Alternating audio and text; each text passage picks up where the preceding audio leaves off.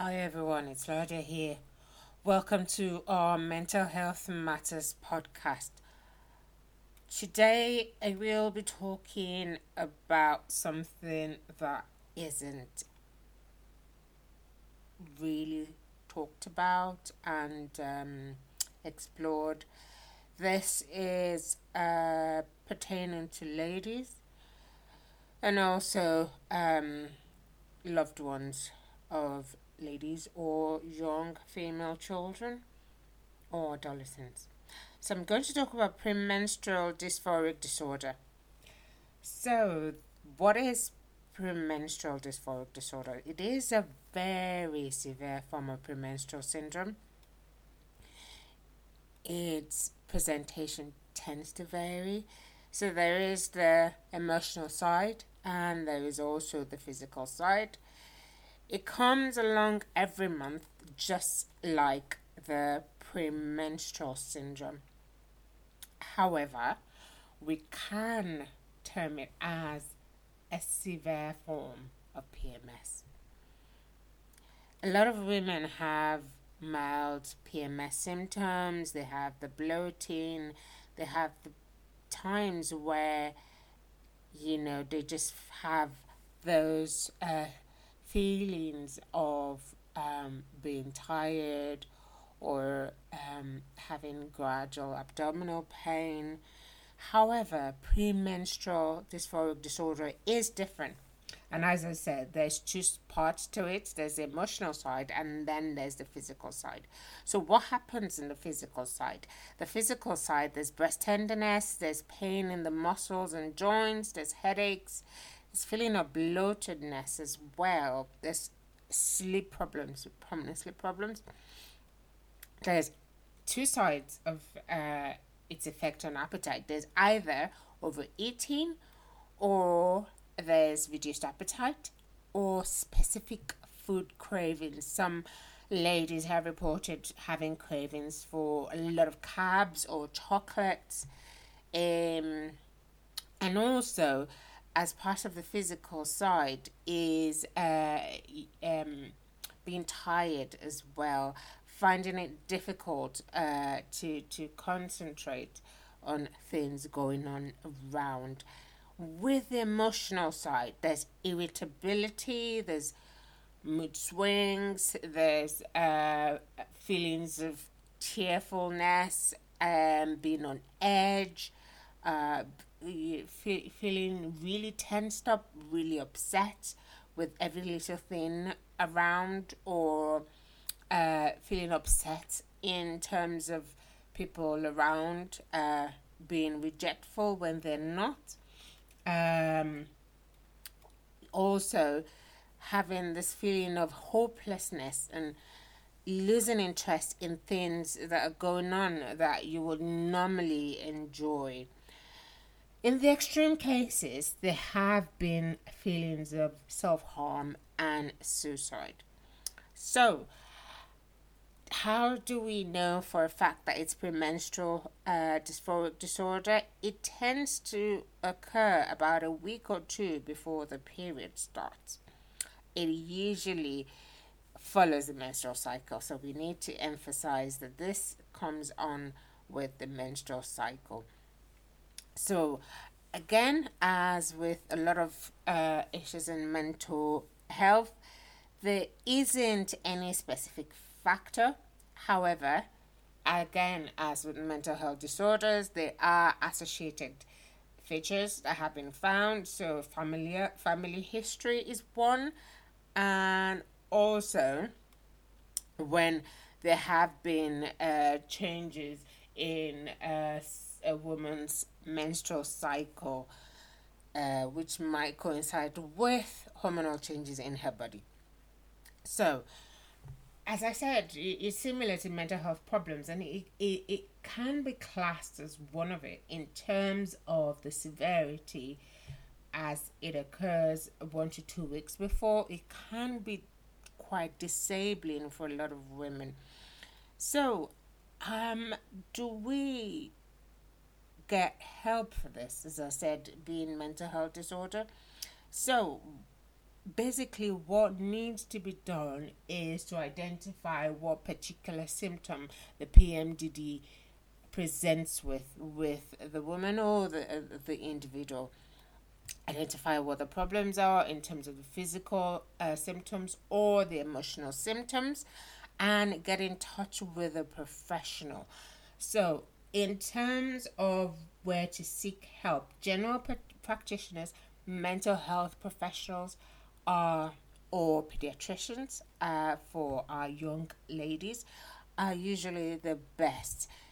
It's best to list out the symptoms and the periods uh, so that's uh, the, the, the menstrual periods to, to track it follow the symptom and the timing uh, in terms of the last menstrual period when the symptoms started and keeping track of the symptom as well. Also talking to somebody about it having someone close to you who's a loved one or a family member who knows what is going on um, to give you support at that time is really essential because pre-MDD, as I said, can be quite severe and is can be disabling for a lot of people.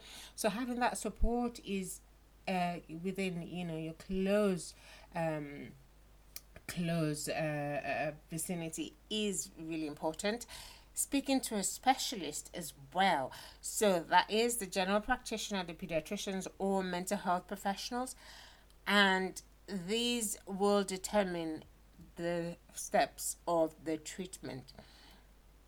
Also, using what I call self help. So, th- this will be in terms of having strategies for coping. A lot of the emotional presentation are things that can be managed with relaxation techniques, with mindfulness, with meditation, and also with uh, distract distraction techniques as well. So, managing the emotional symptoms is actually really important as much as the physical important. Uh, as as the physical important symptoms are. The emotional symptoms tend to be more disabling for women. So it is important to look after the emotional part also with the physical health as well. I did mention that it affects sleep or um and and then um that is like a vicious cycle because once it affects sleep it then ultimately um also affects the person's daily routine and you know it goes on into the night with a stressful day and then they get home and they can't still have a night's a good night's sleep.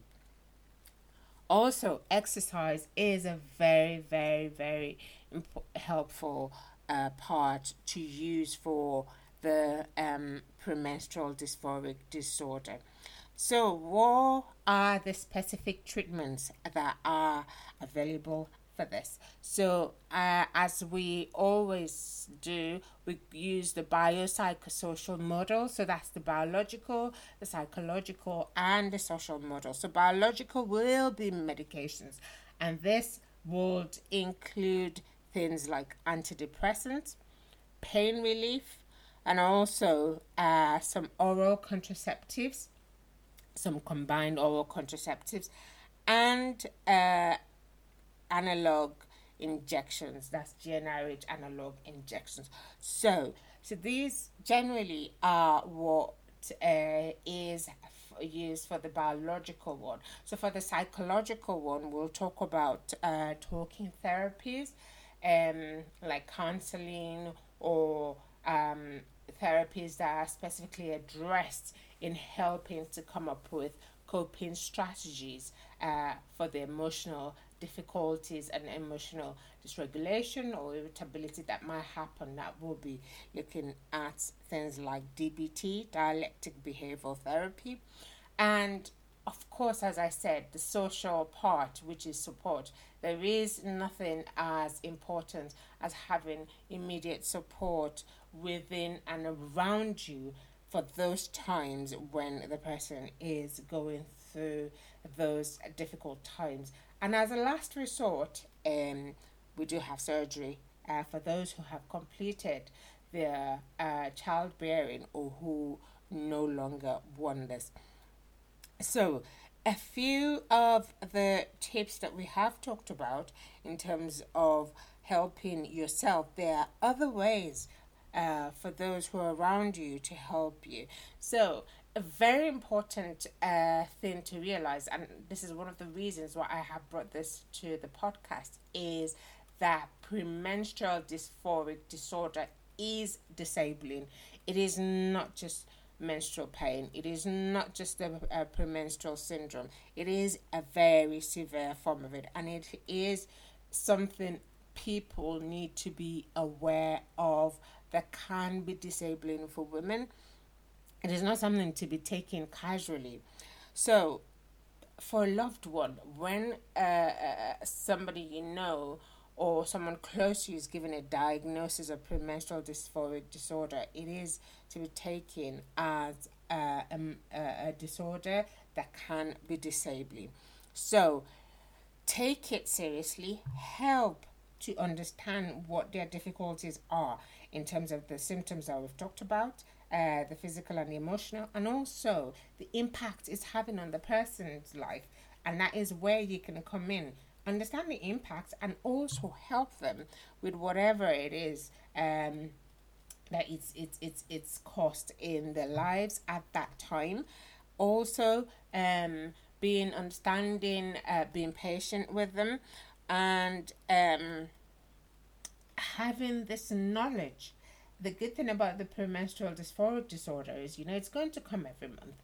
You're able to monitor, as I said before, keep track of the menstrual cycle, keep track of the times. So you can't say categorically the next expected menstrual period is going to be in this date. So we expect this to come a week or two before so it can be planned and it can it, it is one of those that we are fortunate to say okay this is what is going to happen around this time and we can put things in place we can put uh, relaxation activities for that person in, in, in, in those times. We can have uh, distraction uh, techniques. We can have holidays around that time to help the person with the impacts and to, to help the person with the emotional difficulties associated with it.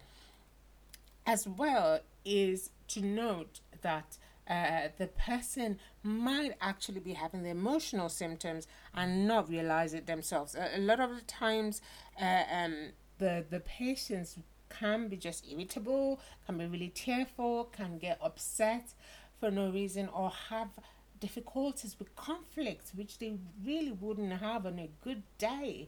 So you know your loved one might not recognize it so it is, um, you know, important as well as someone who has a loved one who is a lady or a young girl who might have this to look out for it and um, help them recognize that look this is possibly what could be going on.